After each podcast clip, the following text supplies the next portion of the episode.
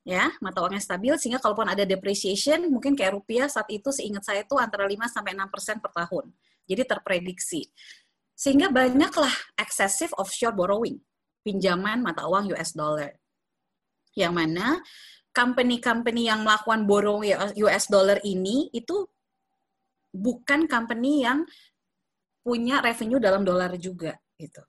Rata-rata mereka pinjamannya dalam rupiah atau mata uang negara masing-masing, misalnya dalam Thailand baht gitu ya atau dalam uh, uh, mata uang pokoknya negara masing-masing. Sehingga mereka me, uh, facing foreign exchange exposure ya. Yang mana kalau misalnya mata uang kita melemah, nah itu kehit. Itu yang nanti terjadi ya. Kemudian saat itu tentunya karena kita uh, excessive offshore borrowing, ekonominya itu highly leverage, utang banyak. Jadi eh, apa eh, ekspansi dibiayai oleh hutang, bukan dari bukan dari equity, banyak dari hutang. Saat itu bank mudah sekali mengucurkan uang saat itu.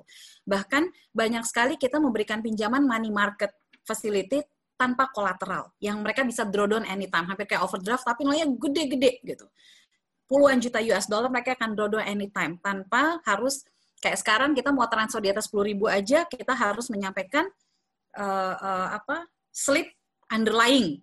Hmm. selalu ditanya tuh sama bank underlyingnya apa? Kenapa transfer dolar kalau dulu enggak. Draw down pinjam transfer keluar buat ini. Dan kontrol at the time juga nggak seperti sekarang. Monitoring nggak nggak seperti sekarang.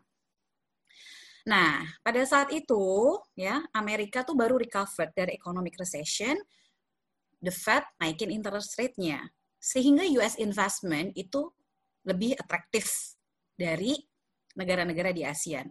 Apalagi saat itu ada economic bubble di Thailand. Nah, mulainya tuh penyakitnya di Thailand waktu itu.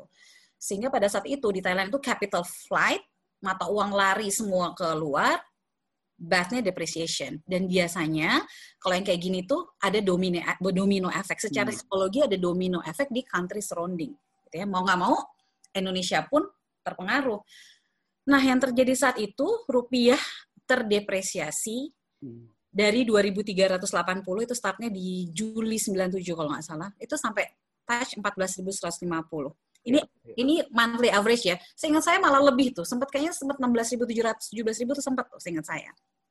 Dan saat itu Indonesia itu adalah the worst eh, currency yang terdepresiasi di Asia. Hmm. ASEAN, ASEAN, sorry. Itu 83, 83 persen depreciated. Ya. Uh, dan tentunya membuat uh, apa mata uang apa uh, FX exposure-nya jadi sangat besar sekali dan saat itu bank mulai uh, credit withdrawal, jadi orang diminta bayar gitu. Karena bank itu juga sudah uh, masalah likuiditas, apalagi waktu itu ada rush ya di yeah. Indonesia ada political crisis juga tahun 98 gitu. Jadi orang-orang tuh narikin uangnya ke bank ya, sehingga bank itu untuk mempertahankan posisinya dia berusaha tarikin kredit-kreditnya yang bisa ditarikin dari uh, borrowernya dan juga naikin interest rate. Interest rate itu uh, pernah 65% loh itu. Bahkan hmm. kalau money market itu pernah ratusan persen. Saya pernah borrowing itu interestnya tuh bisa sampai 105 persen per annum gitu, saat itu. Bayangkan, gitu ya. Nah, dan tentunya ini adalah high inflation. High hmm. inflation dan tentunya logikanya kalau uh, uh, apa ekspor kita juga melemah saat itu ya, ekspor kita melemah. Kenapa? Karena barang kita jadi mahal gitu. Kemudian mulai kredit default, hmm. bankruptcy, krisis perbankan, political crisis. Nah, yang saya alami itu rata-rata ya uh, kan saya di corporate banking. Jadi ya. nasabah-nasabah saya itu kebanyakannya tuh kehit karena mereka borrowing US dollar. Hmm. Padahal pendapatannya rupiah. Ya. Sehingga yang tadinya utang mereka itu bisa dibayar, katakan punya investment loan, kebutuhannya waktu itu untuk invest misalnya 30 miliar. Hmm. Dengan rupiah 2.380 mereka cuma pinjam berapa tuh? Satu setengah juta dolar. Hmm. Ya kan? Satu setengah juta dolar. Eh benar nggak sih? Satu setengah juta. No, no, no, no. 15 juta dolar. Katakan mereka pinjam 15 juta dolar gitu ya. Mereka pinjam 15 juta dolar dengan setara ekuivalen 30 miliar yang sudah diprediksi dengan cash flow projectionnya mereka bisa lunasi lima tahun. Bayangkan, hmm dolarnya naik lima kali lipat. Ya, enam kali lipat, enam kali lipat. Sehingga utangnya yang tadinya 30 miliar itu menjadi 180 miliar. Itu mau di restructure berapa tahun? 30 tahun gitu. Iya, iya. Yang yang mereka lakukan saat itu adalah kesalahan pertama. Yang mereka lakukan adalah mereka ingin menarik benefit dari selisih interest rate kalau mereka pinjam rupiah dengan kalau mereka pinjam dolar. Hmm. Saat itu misalnya mereka pinjam dolar bisa di rate 5%. Pinjam rupiah saat itu money market itu 18% misalnya. Selisihnya jauh kan? 13%. Sementara mereka ngitung mata uang rupiah itu akan terdepresiasi 6%, sehingga mereka masih ada gain 13 kurang 6 7% per tahun. Oh, lumayan katanya 30 miliar kali 7% dapat 2,1 miliar. Itu yang dikejar. Hmm. Gitu. Padahal kalau sudah kejadian seperti ini, udah nggak bisa dilawan. Yeah. Ya, belum lagi orang-orang yang spekulasi. Banyak sekali orang yang spekulasi itu yang mereka pinjem uh, dolar bukan dipakai untuk investment atau hmm. mereka banyak masuk ke produk-produk derivatif gitu ya mereka banyak masuk produk-produk derivatif kalau boleh kasih contoh sedikit pada saat rupiah ke eh, harga rupiah di 2000 apa dolar rupiah 2380 mereka itu banyak uh, uh, melakukan sell dollar gitu, future untuk sell dollar. Pada saat jatuh, misalnya mereka sell dollar di 2.800, padahal sekarang dolar di 2.380. Mereka meyakini setengah tahun dari sekarang dolarnya akan hanya di 2.600. Hmm. Mereka nggak punya dolar loh ya, mereka nggak punya dolarnya. Mereka spekulasi aja pada saat itu bisa melakukan itu tanpa underlying. Hmm. Pada saat jatuh tempo di enam bulan kemudian, mereka akan menjual dolarnya itu di 2.800. Hmm. Caranya gimana? Dia beli dulu di spot di 2.400. Untung deh 400 perak. Tapi yang terjadi dolarnya pada saat jatuh tempo itu transaksi option atau forwardnya dolarnya itu di 10 ribu deh, nggak usah 14 ribu. Mereka rugi 8 ribu rupiah per satu dolar. Padahal yang mereka lakukan, mereka baik satu juta dolar, dua juta dolar, sepuluh juta dolar. Udah, hmm. itu gambling namanya, ya. Tidak berdasarkan uh, uh, bisnis. Dan saat itu bank bisa tuh melakukan memberikan fasilitas hal itu. Hmm. Nah, jadi lesson learn bagi saya di Asian crisis pertama ini, yang pertama difficult to win the battle against the market. Coba hmm. kalau kayak gini yang dilawan pasar, yang dilawan semua investor yang tiba-tiba narik uangnya lari ke luar negeri sehingga mata uang rupiah melemah. Kita mau apa? Kita mau tungguin berdoa lima hari, tujuh hari, sepuluh yang dilawan pasar. Iya, iya, iya. Udah, susah deh. Kita nggak akan bisa menang. Terus yang kedua, kita harus hedging. Kita harus konservatif lah. Kalau pendapatan kita rupiah, kita baru dalam rupiah. Kita hmm. hitung cost of fundingnya berapa, sehingga kita harus me, apa, menjual di harga berapa. Itu lebih aman bagi saya. Selisih 5-6% tapi lebih aman. Ya, kemudian uh, uh, natural hedging gitu ya, dimaksud seperti itu. Jadi kita akan avoid effect exposure. Kemudian kita harus fokus di business improvement dan kita harus ada financial discipline. Ya, hmm. dulu itu kalau misalnya uh, kita ditawarin fasilitas sama bank, kayaknya gampang banget. Itu kan kita take Nah, itu udah nggak disiplin tuh. Kita nggak hmm. ada kebutuhan, kita ambil. Okay. Nanti udah kita pakai buat non-productive uh, investment misalnya, non-productive asset, yang nantinya kita akan susah balikin. Karena dulu pikirannya apa? Kita bisa refinancing. Dulu refinancing itu selalu tersedia. Tapi again, di kala liquidity udah against the market, no liquidity in the market, maka kita nggak bisa win against, win the battle market. against market. Nggak ada, soalnya likuiditasnya nggak ada. gitu ya. Dan saat itu juga pelajaran yang saya saya saya hadapi ya. Pada saat saya deal dengan karena saya di, di bank, saya banyak deal dengan para CFO. Yeah. Itu mendadak nih Pak, mendadak rekan-rekan sekalian. Itu shareholdernya tuh kayak pada ngilang semua gitu. Jadi jadi chiefnya itu kayak nggak disupport gitu. Padahal kalau lagi situasi seperti itu, itu perlu suntikan dana segar dari hmm. memegang saham gitu ya. Sehingga penting sekali kita sebagai manajemen itu untuk uh, memiliki shareholder yang supportive. Makanya waktu mau saya mau mulai kerja itu bukan hanya uh, manajemen yang mendue diligence saya, saya juga research gitu, pemegang sahamnya itu kira-kira akan suportif atau enggak gitu. Karena itu sangat penting sekali. Dan kita juga uh, baiknya dealing dengan reliable financial institution karena biasanya ya kalau financial institution yang lebih apalagi zaman sekarang dan lebih strict itu mereka akan ngasih covenant yang yang kayaknya strict tapi itu for the benefit of us. Hmm. Ya, yang akan bantu kita untuk disiplin di uh, uh, financial discipline tadi, menerapkan financial discipline.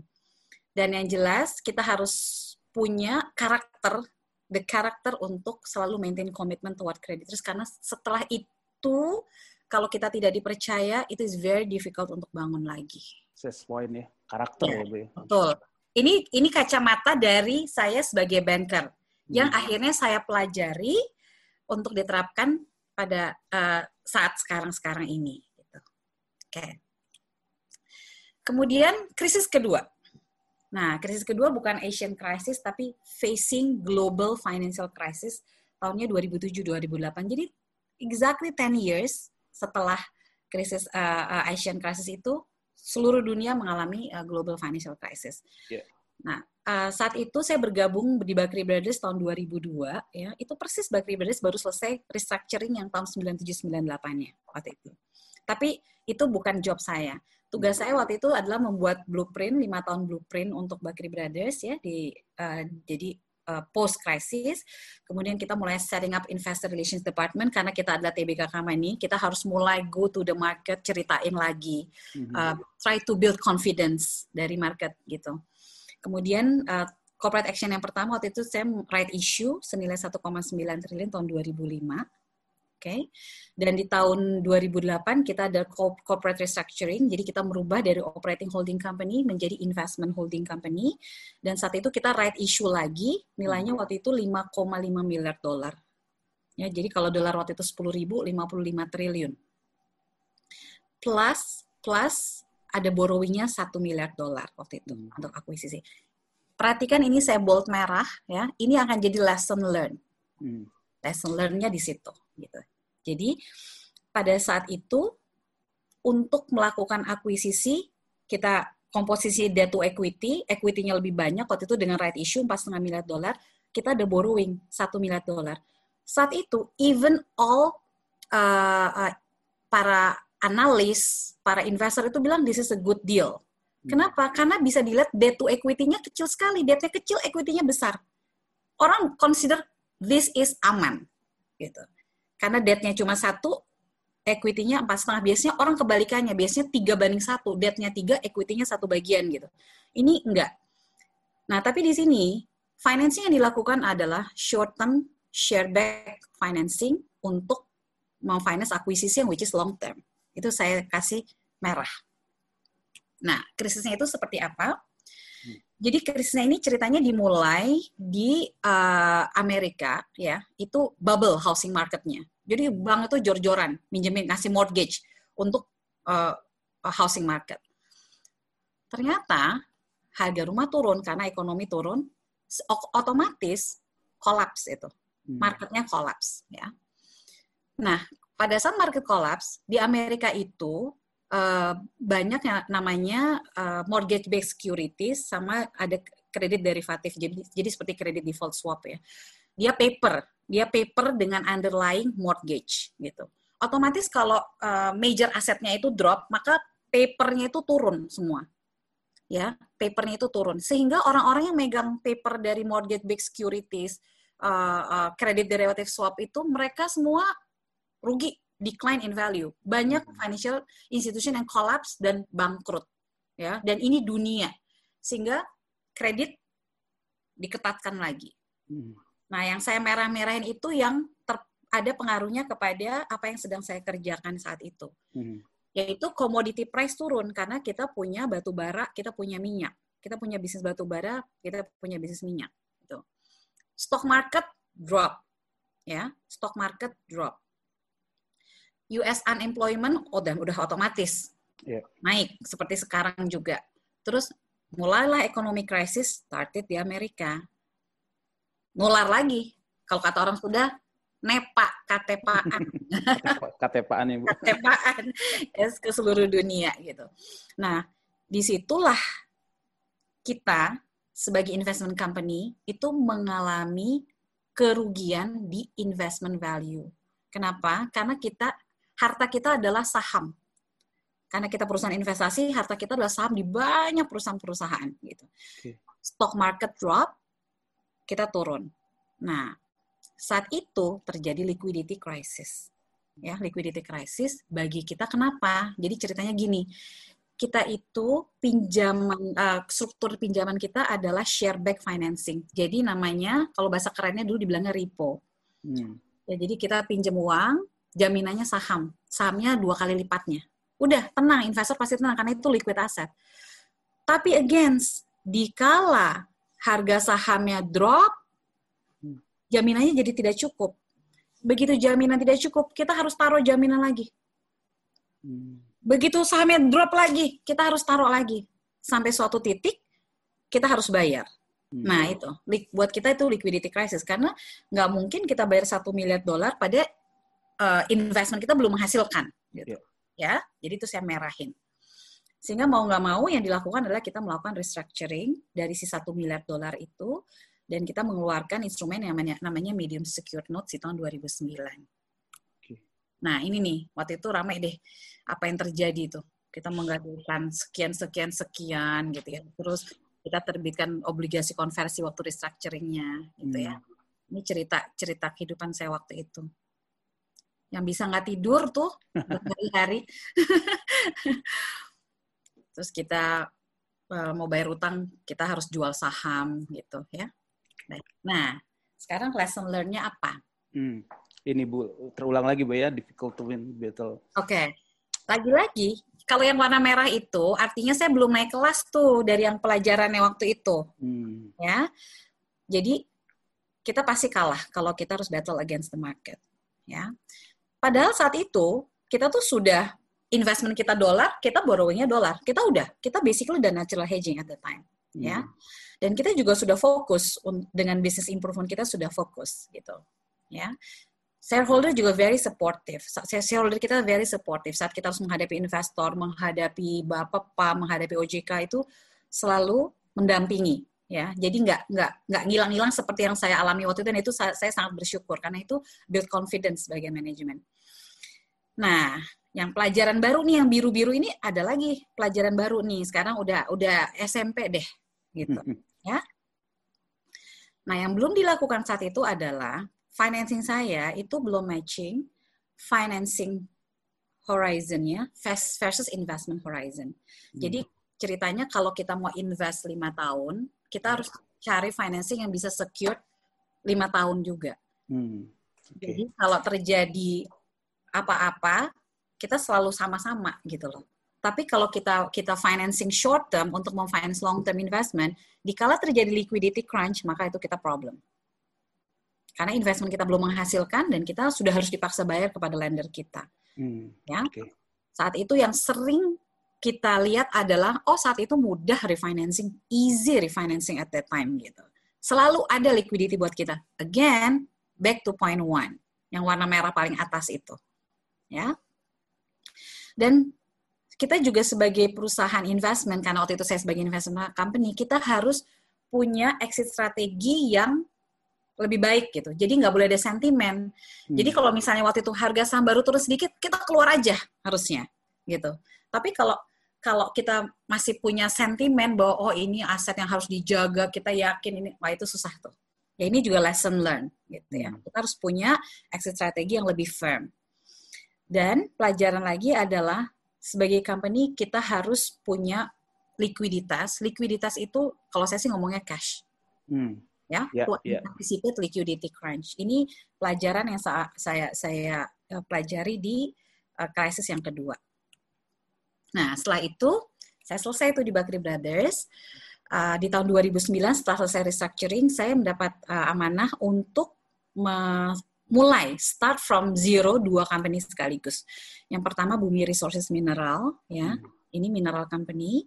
Yang kedua uh, Bakri Energy International di Singapura. Jadi di tahun yang sama dengan dua tim yang berbeda, saya serap dua company, yang satu doing mining, yang satu doing fuel trading.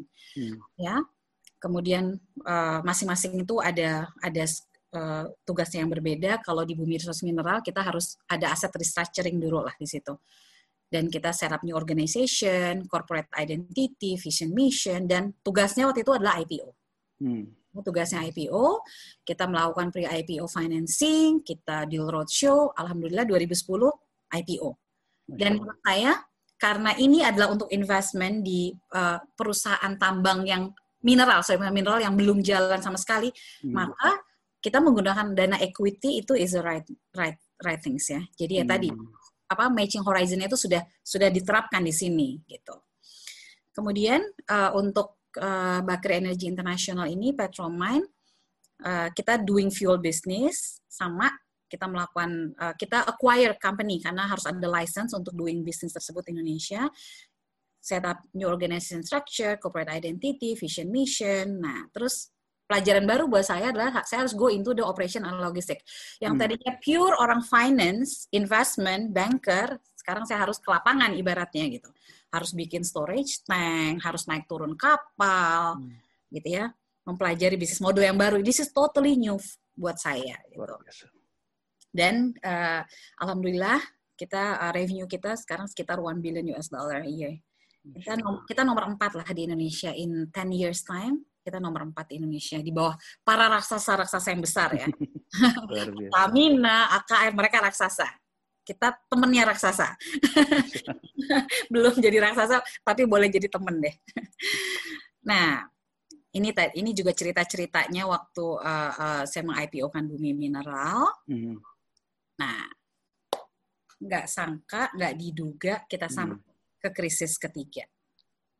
Ya, krisis ketiga itu kita sama-sama tahu lah ini sangat kritis tapi saya akan saya akan urutin aja ya.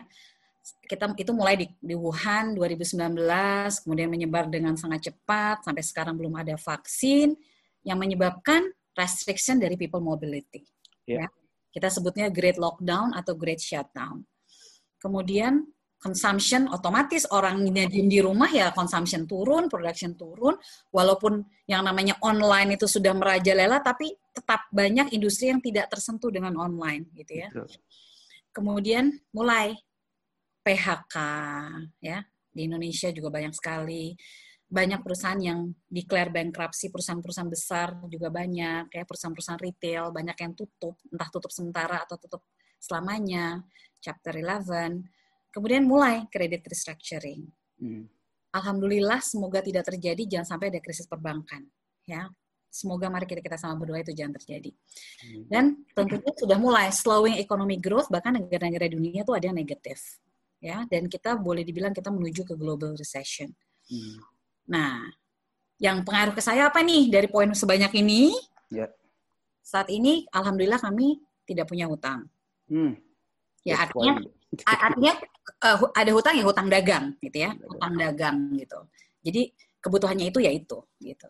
Kemudian uh, masalahnya ini drop in oil and energy prices kita jualannya minyak harga minyak dunia turun. Bahkan sempat kita lihat papernya itu negatif. Bayangin minyak itu dijual negatif. Karena nyimpen hmm. minyak itu jauh lebih mahal di saking gak ada yang mau ngambilnya cost of storage-nya kan mahal sekali. Jadi orang udah ambil aja minyak gitu. Saking, nah coba itu. Yang kedua, again liquidity issue. Karena uh, para customer-customer kita pasti mengalami hal tersebut sehingga adalah penundaan pembayaran, account receivable yang tadinya 30 hari kita kasih kredit bisa sampai 60 hari, 90 hari, ada yang 120 hari gitu. Nah, ini yang kita alami. Ya. Loh, kok Eh, eh sorry sorry ya. Jadi hilang ya? Hilang nggak? Enggak bu, silakan diulangi lagi ada ada trouble tadi dikit. Oh oke okay, oke okay, oke. Okay. Nah, coba di ini udah tampil, coba di ini lagi. Tunggu. Uh, oke. Okay. Ya. Yeah. Kelihatan? Ya, ya lanjut bu. Nah, ini jadi yang luar biasa nih. Kalau yang tadi kan lesson learn, sekarang ini hmm. strategi, lebih ke strategi to have minimum impact to the business gitu. Nah, kita yang kita lakukan adalah kita melakukan back to back hedging untuk commodity pricing. Artinya gini, kita itu beli minyak dari pasar internasional mm-hmm. itu ada uh, namanya MOPS ya. Kita menjual kita nggak mau spekulasi dengan bikin formula sendiri, basically MOPS to MOPS. Hmm. Jadi kita hanya mengambil margin dari uh, uh, spreadnya aja gitu. Jadi kalau okay. misalnya kalau misalnya harga minyak harga BBM berapa sekarang? Misalnya 7.000 gitu ya. Mm-hmm.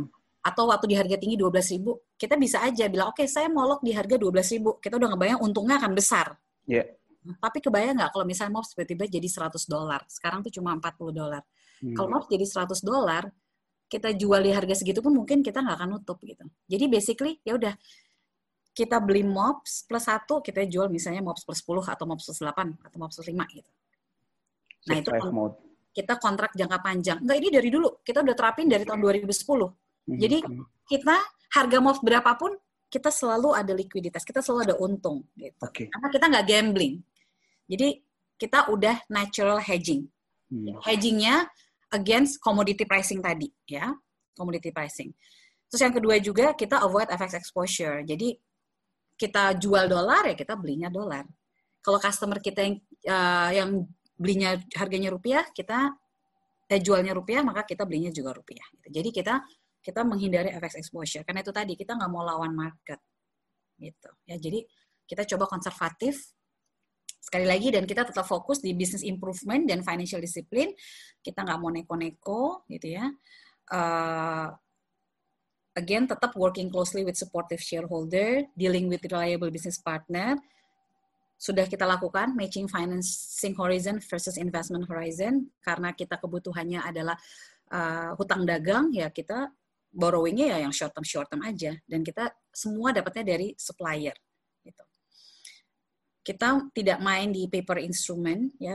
Banyak perusahaan-perusahaan minyak yang selain jualan fisik dia jualan paper trading juga gitu. Jadi hmm. dia ngambil posisi di di uh, paper trading gitu. Kita enggak ya. Kemudian kita nah dari awal itu kita pegang likuiditas. Jadi saya selalu megang certain amount of cash lah di, hmm. di company yang yang to anticipate liquidity crisis. Dan itu nggak nggak sekali. Eh, krisis-krisis kecil tuh berkali-kali gitu yeah. ada tuh di tengah-tengah pada saat komoditi lagi up and down sehingga kita mendapat kesulitan collection tapi alhamdulillah karena kita selalu disiplin untuk memaintain likuiditas uh, uh, hampir hampir jarang lah kita mengalami restructuring dengan supplier kita gitu. Insya Allah. Nah, jadi sekarang isunya apa dong nih krisis yang sekarang buat Petromine gitu?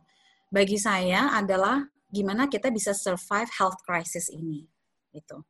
Jadi uh, karena company is doing okay, maka yang harus kita protect adalah our assets, which is our employee, hmm. karyawan kita. Gitu. Oke. Okay karyawan is our valuable assets gitu. Saat ini kita fully work from home. Dan digitalization is necessity. Itu yang wajib. Dan de definisi digitalization itu beda-beda setiap company. Kita juga bukan yang advanced tech. Company kita is not an advanced technology, but kita memanfaatkan itu gitu ya. Yang terus terang saya itu tadinya tipe tipe orang yang kalau uh, payment itu saya, saya lebih senang pakai cek beneran, tanda hmm. tangan. Sekarang itu kita udah cash management, online cash management, approval semua sudah lewat online gitu ya, itu ya mau nggak mau kita lakukan untuk avoid contact, untuk mencegah supaya karyawan kita tidak banyak pergi ke kantor. Kemudian kita juga memastikan full compliance of uh, Office COVID protocol. Jadi kita punya tim sendiri untuk uh, menghandle masalah ini. Kita melakukan rapid, rapid test setiap 10 hari. Walaupun work from home, kita melakukan rapid test setiap 10 hari kita karyawan kita ada kewajiban untuk mengisi daily location tracking. Mm-hmm. Kita ada pakai aplikasi, ya. Jadi dan itu random. Uh, ada tim yang khusus uh, memberikan instruksi, ya, gitu, supaya supaya tahu lah, gitu. Kemudian kita juga ada daily activity tracking. Kita punya form yang harus diisi setiap hari online juga. Kita kita berkendaraan, kita naik kendaraan apa itu harus kita laporkan, kita uh, aktivitas apa aja semua berolahraga ini semua ada apakah kita ketemu dengan orang yang ODP, PDP dan sebagainya itu semua kita lakukan setiap hari supaya kita bisa monitor if something happen cepat ke trackingnya gitu. Kemudian kita juga uh, membagikan masker dan hand sanitizer karena itu merupakan kewajiban wajib bagi karyawan, ya.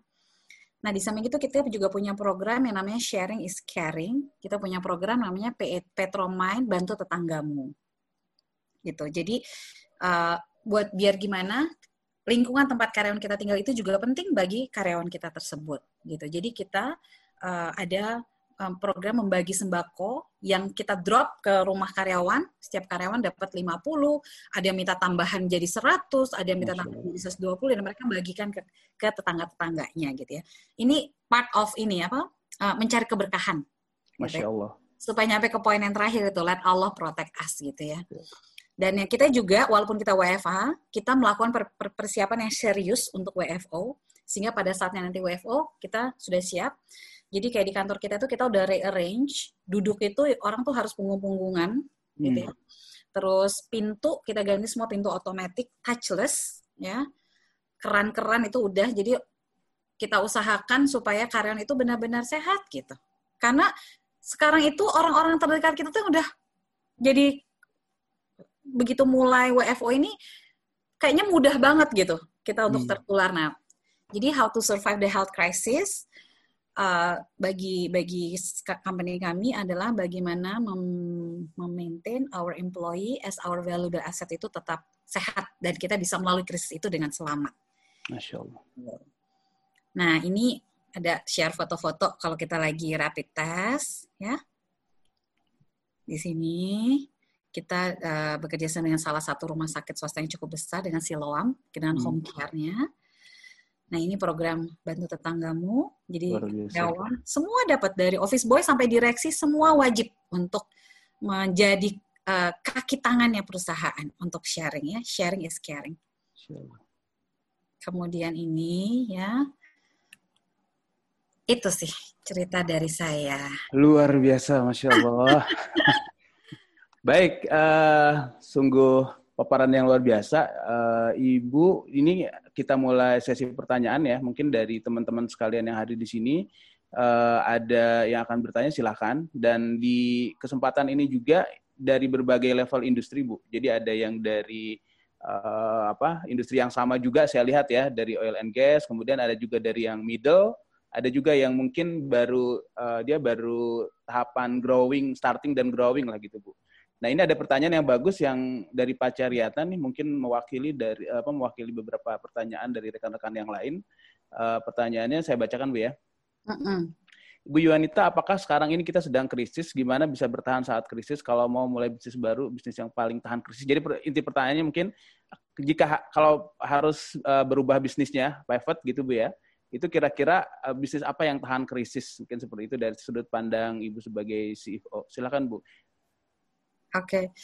Um, saya sebenarnya bukan finance apa bukan konsultan ya. Jadi ini coba jawab aja dari berdasarkan beberapa kali ikut uh, webinar-webinar semacam ini. Iya kalau boleh dibilang saat ini kita sedang di fase krisis gitu ya.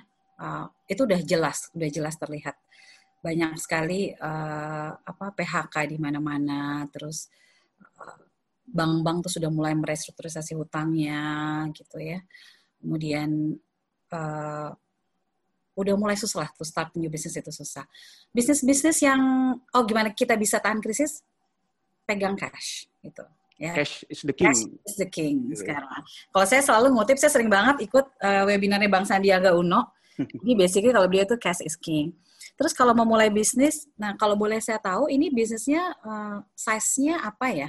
Pak Aceh, ini uh, host boleh di uh, apa suaranya boleh diinikan juga buat peserta yang raise hand ya. Barangkali ini Pak Ceri barangkali mau langsung ngobrol, saya persilahkan nih di uh, unmute. Nah, silakan Pak Ceriatna boleh langsung ngobrol nih. Kita beri kesempatan eksklusif para peserta ya. yang hadir sekarang. Terima nah, kasih Bu Yuanita. Halo Pak. Ya luar biasa siang ini dapat uh, da daging lah bahasa kata orang-orang. uh, jadi saya di travel bu. Oh masya Allah bapak. Jadi kan kita dari bulan Desember juga udah kena ya. Mm -mm. Jadi anjloknya memang di Januari sam sampai sekarang jadi udah 8 bulan nih. Jadi kita mau rencana oh, uh, bisnis apa gitu ya. Karena katanya sih butuh dua tahun nih buat bangkit. Benar nggak tuh? Yang saya yang saya baca begitu. Tapi ya ya ya tentunya situasi akan berbeda lah Pak. Nanti kalau misalnya kayak vaksin udah ditemukan, katanya Januari ditemukan, mudah-mudahan kita ada angin segar itu, itu mungkin bisa lebih cepat ya Pak ya. Memang industri pariwisata, travel, itu industri yang paling terhit ya Pak ya, dari krisis ini. Uh, ya, sudah 8 bulan nggak terima uang, Bu. Sama sekali ya Pak, Masya Allah. Masya Allah. Ada putaran. Bapak travelnya apa ya Pak? Ceria Holiday. Enggak, maksudnya uh, uh, uh, etik, apa? Bikin program-program tour ya, gitu atau kita buat paket tour dalam negeri maupun luar negeri. Namun yang paling banyak itu orang Indonesia memang pergi ke luar negeri karena lebih murah dibanding jalan-jalan di dalam negeri. Jadi kebanyakan orang pergi keluar saat ini. Jadi kita jual paket-paket tour. Memang kayak bisnis-bisnis yang yang yang sekarang orang banyak banting setir tiba-tiba semua orang itu bisnis kesehatan, bisnis makanan. iya Pak yang Iya iya, saya pikir juga begitu ya. Mm ya. Mudah mudah untuk dilakukan untuk jadi bridging ya, untuk jadi bridging.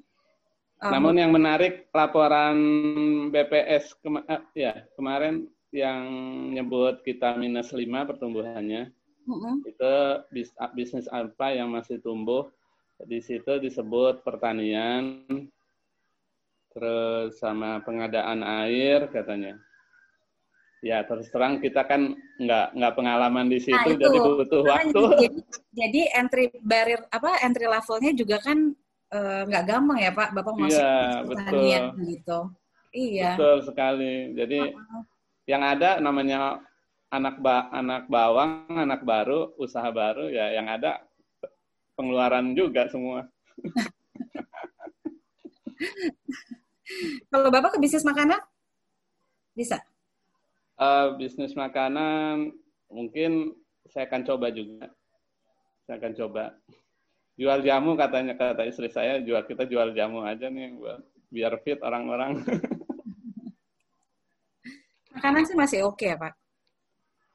Makanan. Ya, saya udah tanya sih katanya makanan juga turun setengahnya dari teman-teman yang udah lama main di makanan. Jadi Betul. memang tapi kan selama ini profit margin dari makanan kan mereka udah cukup besar. Iya sih. Tapi uh, om dari segi omset mereka turun juga. Udah pasti Pak, nggak ada yang nggak turun. Saya lagi nyari yang lagi sedang naik apa? Kesehatan kali ya yang nggak yang nggak turun ya Pak ya. Kesehatan. Ya, kan? masker yang masker yang harganya dua puluh lima ribu, sekarang seratus lima puluh ribu, pernah empat ratus lima puluh ribu. Di laporan BPS itu kesehatan minus juga bu, walaupun minusnya ya. besar. Oke. Okay. Nah ini boleh nimbrung ya Pak Ceri, Bu Yonita. Boleh boleh. Ini mewakili yang di level middle mungkin Bu ya. Jadi kan cash is the king bu. Ada nggak saran-saran karena kadang-kadang kalau yang di level, di level middle itu karena mungkin kurang apa kurang pinter ngejaga cashnya gitu. Pada saat ada uh, apa krisis kayak gini benar-benar berat gitu karena ya cashnya nggak nggak terjaga dengan baik. Nah ada nggak tips-tips yang praktikal gitu yang bisa di teman-teman mungkin yang hadir di sini dari level middle itu untuk gimana caranya uh, teknik-tekniknya supaya bisa ngejaga cash itu tetap uh, terjaga lah Bu untuk menghadapi krisis kayak begini gitu. Kalau kalau saya sih simpel aja, saya senang saving ya Pak ya. Gitu, terus uh, basically kalau ini kalau kayak di big corporation seperti saya itu uh, pada saat situasi seperti ini saya coba batasi pengeluaran yang unnecessary gitu. Jadi hmm. ada beberapa investment yang saya hold dulu. Sesuatu yang kira-kira gini, kira kalau dari uang itu nggak bisa generate duit lagi gitu, itu saya nah, hold. That's the point, betul. Jadi kira-kira nggak -uh. balik cepet gitu bu ya? Iya. Nggak okay. making cash secara cepet. Sekarang -huh. sih pilihannya yang cepet gitu ya. Oke, okay, nice. Pak Ceri, silakan lanjut Pak. Barangkali masih ada yang mau dicurhatin, mumpung ada kesempatan ini sama ekspor langsung jadi tempat curhat. saya, saya tahu, saya tahunya bisnis saya loh pak. saya nggak ya, nggak nggak menguasai bisnis travel. saya lihat kan harga dolar uh, harga uh, minyak juga turun sampai 20 dolar yeah. uh -uh. tempo hari. Saya pikir terus biaya nyimpennya gimana? Banyak banyak kapal-kapal ada di laut nggak bisa sandar. -uh. Yang saya dengar begitu sih kalau minyak dan gas. Betul Pak, seperti hmm. itu. Seperti hmm. itu. Ya, mudah-mudahan kita berdoa bersama ini bisa cepat berlalu dan insya Allah saya kita yakin pasti ada jalan keluar. Insya Allah. Nah itulah yang yang terakhir closing statement dari Pak Cherry yang intinya insya Allah kita tetap optimis pasti ada jalan keluar. Kita berdoa bersama-sama. Oke lanjut Bu ya. Pertanyaan lanjutnya ini Ibu mungkin bisa dilihat juga ya. Uh, thanks for your good presentation. Have a question from CFO perspective. How do you see the future of oil and gas business? Silahkan. Hmm, kalau ke depannya itu sudah pasti akan turun kalau saya ngelihatnya. Karena orang sekarang goes into uh, alternative energy. Kayak contoh aja di uh, di Indonesia kita untuk solar kita sudah menerapkan pencampuran B30 hmm. ya. Uh, dari biodiesel 30% persen dan 70 persennya adalah uh, uh, fossil oil ya. Sehingga uh, dan ke depannya pemerintah akan naikin lagi sampai ke 50 persen gitu karena menuju ke green energy. Ke depannya hmm. nanti akan trennya akan seperti itu gitu. Alternatif energi akan menjadi tren gitu. Tapi untuk sampai 10-15 tahun ke depan, we still can do this oil and gas business. My ini ya, my my reading, gitu. Dan uh, sebagai antisipasi, grup kami juga sudah uh, apa uh, akan melakukan investment di uh, biodiesel juga ini untuk antisipasi ke green industry, in, apa, uh, industri di depannya. Baik, ini bagi yang bertanya, kalau mau by voice silahkan ya, kita beri akses uh, voice juga. Bapak host mungkin diberikan voice, eh buat yang ini ya, buat yang uh, raise hand. Oke, silakan teman-teman, barangkali ada yang ingin ditanyakan, mumpung Ibu Yuanita masih bersama kita kali ini. Saya malah malah pingin dengar loh, eh apa uh, teman-teman di sini mengalami, pernah mengalami krisis seperti yang saya alami nggak gitu di tahun 97 atau 2007 2008 atau sekarang gitu. 97 saya masih SMA, Bu. Aduh, mudanya. saya kira ibu yang masih ini, Masya Allah. Saya kelihatan tua banget jadinya. saya SMA. Tapi memang kerasa banget ya. Cuman uh, apa? Ya seperti yang ibu bilang tadi, memang tiap industri seni menanganinya beda. Cuman saya lihat tadi yang menarik tuh memang dari uh, apa uh, pelajaran dari tiap krisis tuh ada ada hal yang uh, paling utama yang harus kita jaga ibu ya. Kalau saya catat tuh uh, yang paling penting adalah karakter ya karakter. Yeah. Bagaimana kita apa menyikapi gitu menyikapi kondisi yang terjadi. Uh, disiplin, nah itu sih mungkin ya.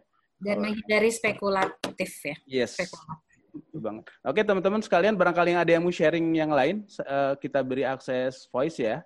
Bagaimana kondisi uh, apa teman-teman sekalian menghadapi uh, berbagai macam krisis? Silahkan kita beri akses. Insya Allah, kayak malu-malu ke Daniel nih Bu. kan kalau malu-malu kucing kecil Bu, jadi malu-malu ke Daniel. Oke, okay. uh, barangkali ini kalau... senang banget banyak banyak perempuan yang yang gabung nih ya. Iya, ini kayaknya saya beberapa sih yang ibu-ibu ini memang dari oil and gas juga nih. Uh, kalau saya lihat ya dari email perusahaannya. Hmm. Baik. Oke, sambil menunggu barangkali teman-teman yang kalau ingin menghubungi Ibu Yuanita boleh di-share sosial medianya Bu atau Yuanita. email atau Ya, uh, link LinkedIn saya Yuanita Rohali, Instagram saya Yuanita Rohali, Facebook saya Yuanita Pramono Rohali, Twitter nggak aktif. Kalau mau email boleh di yuanitarohali at gmail.com. Oke. Okay. Nah, silakan teman-teman yang mungkin kalau dalam kesempatan ini masih malu-malu, silakan nanti langsung menghubungi beliau aja untuk bersatu rahmi ya, Bu ya. Boleh, boleh. Oke. Baik, alhamdulillah sudah uh, satu jam lebih nggak kerasa nih, masya Allah uh, di sesi kali ini. Uh, mungkin ada closing statement Ibu buat teman-teman yang hadir di sini uh, dari sisi ya dari dari Ibu baik dari sisi CFO maupun dari sisi apa pandangan Ibu um, apa ya menjalani berbagai macam jenis bisnis dengan menghadapi berbagai macam krisis. Silahkan Ibu. Oke. Okay. Yang yang pertama adalah uh, don't fight against the market. Sehingga untuk melakukan itu kita harus punya strategi dari awal. Ya, punya strategi dari awal uh, bagaimana caranya supaya kita tidak sampai di situasi yang kita akan perang melawan market gitu. Kalau dan yang kedua kalau saya uh, fokus on the business ya. Jadi kalau kita berjualan berjualanlah gitu ya. Kalau kita produksi produksilah yang efisien kalau kita perusahaan teknologi, teknologi investlah di teknologi yang terbaik uh, dan tidak terdistract oleh hal-hal yang sifatnya spekulatif gitu ya karena uh, dalam kayak dalam Islam pun itu haram ya hukumnya. Masya Allah, Masya Allah. Closing statement yang luar biasa. Uh, uh, jadi itu dan uh, ya banyak berdoa Baik, masya Allah. Uh, oh ya Bu, ada ini juga salam dari uh, Pak Muhammad buat yeah. Ibu dan seluruh peserta. Mohon maaf karena oh ya, mohon doa juga buat semua uh, pada semuanya karena Ibu beliau sekarang sedang di rumah sakit, oh, sedang oh, kondisinya kondisinya sedang drop Bu. Sakit apa beliau? Uh, ada ini ya, ada diabetes ya kalau nggak salah ibunya, ibunya ya. Oh, oke okay, oke. Okay. Uh, apa titip salam buat Ibu dan seluruh peserta di sini. Baik. Oke teman-teman sekalian, alhamdulillah uh, kita sudah ada di penghujung acara. Kami ucapkan terima kasih pada Ibu Yuanita. Mudah-mudahan nggak kapok kita undang Bu ya. Uh, apa mudah-mudahan ke depan kita masih bisa bersilaturahmi. Uh, kemudian terima kasih juga pada teman-teman yang hadir. Oh ini ada satu pertanyaan lagi nih Bu, sebentar. Pak Miftahudin ini pengusaha soalnya. Uh, silakan Pak, suaranya boleh. Halo Pak Miftahudin. Halo Pak. Uh, itu masih di mute, uh, masih masih di mute ya? Masih mute, ha. Uh, karena beliau. Nah udah udah udah. Nah, silakan Pak Miftahudin karena beliau perwakilan dari KPMI. Oh, masya Allah. Ya silakan Pak. Uh, ya assalamualaikum warahmatullahi wabarakatuh. Waalaikumsalam warahmatullahi wabarakatuh. Memang uh, untuk kondisi yang saat ini uh, memang perlu jeli sekali ya Bu ya. Jangan sampai uh, istilahnya jatuh ke lubang yang sama dua kali atau bahkan tiga kali ya krisis ini. Nah, perlu apa trik-trik uh, yang jitu ini bu. Ya. Jangan sampai kita ini pengusaha ini sampai jatuh jatuh terus gitu kan. Nah, kayak tadi sudah dijelaskan untuk uh, dolar harga dolar yang sampai masya Allah besar sekali sehingga hutangnya membengkak gitu ya. Nah ini nih uh, sedangkan hutang sendiri menurut uh, Rasulullah kan sebaiknya dihindari. Nah kalau seandainya kita punya capital market sendiri tidak mengandalkan hutang, insya Allah masih akan survive biasanya seperti itu. Nah, triknya bagaimana ini biar dalam mengusahakan sesuatu itu menghindari hutang. Oke. Uh, jadi ini coba sharing dalam kacamata yang lain ya Pak ya. Uh, hutang hutang yang hutang yang dimaksud ini pasti kan hutang yang uh, court eh sorry hutang yang ada ribanya gitu kan Pak ya. Yeah. Nah, tapi kan dalam dalam Islam kita ada banyak uh, solusi apa kita bisa bermurabahah, kita bisa bersyirkah, kita bisa mencari partner kan Bapak pasti lebih tahu yang amanah. Kalau dalam Islam memang seperti itu dan itu memang kalau menurut saya sih yang terbaik gitu. Jadi uh, itu fair gitu. Jadi kalau kita kita maju kita sama-sama maju, kalau kita lagi kesulitan kita sama-sama kesulitan gitu. Tidak ada yang tidak ada yang memakan yang satu dari yang lain gitu kita harus mencari partner yang amanah kalau menurut saya. Kayak dalam situasi seperti ini, kita harus mencari partner. Betul. Jadi kalau jadi kalau orang yang kalau orang yang kendalanya di uang, tapi dia punya kemampuan gitu ya yang lain gitu, keahlian yang lain itu bekerja sama dengan syirkah itu bagus sekali. Bisa sistem bagi hasil atau seperti, seperti apa begitu ya Bu ya. Betul, betul, betul. Karena sayang sekali dia punya skill yang tinggi, terus harus terpuruk gitu. Hmm, nah, sedangkan dia punya uh, potensi yang bagus untuk berkembang. Gitu. Betul. Nah ini perlu. Sekarang Pak, sekarang banyak ini kan Pak, apa? Hmm, baitul baitul mal baitul mal yang uh, yang online gitu kan, terus atau hmm. fintech syariah gitu kan juga juga banyak. Mungkin itu bisa jadi solusi juga. Hmm, ya, ya. ya betul. Makanya ini di Zahir juga ada fintech syariah juga itu. Iya. Iya, kita ada namanya Zahir Capital Hub Bu Yoneta. Memang oh. masih tahap kalau bayi itu baru lahir ya. Jadi lagi apa? belajar berjalan. Kan kita basicnya kan adalah uh, software accounting ya, sudah 25 tahun dan kodarullah jadinya terbentuk sebuah ekosistem kan. Artinya kita sudah punya market database. Nah, si database ini kan punya kebutuhan macam-macam, termasuk yang paling klasik dan krusial adalah permodalan. Dan insya Allah kita sedang uh, apa berusaha untuk uh, menjadi solusi juga tuh lewat Zahir Capital Hub. Iya. Mungkin kapan-kapan bisa ngobrol juga tuh nanti sama Pak Muhammad. Boleh, boleh. Boleh. boleh. Biasa. Ya banyak yang banyak yang harus di, di inilah dilakukan gitu untuk bisa resilient tadi ya. Uh, wakaf juga harus di, di ditingkatkan itu. Wakaf is a very uh, new new things yang which is very inilah ke depannya oh, okay. akan sangat progresif. Terima kasih Bu Yunita Rahali. Sama-sama Bapak, Barakallah Fikum. Barakallah. Insyaallah. Alhamdulillah ya.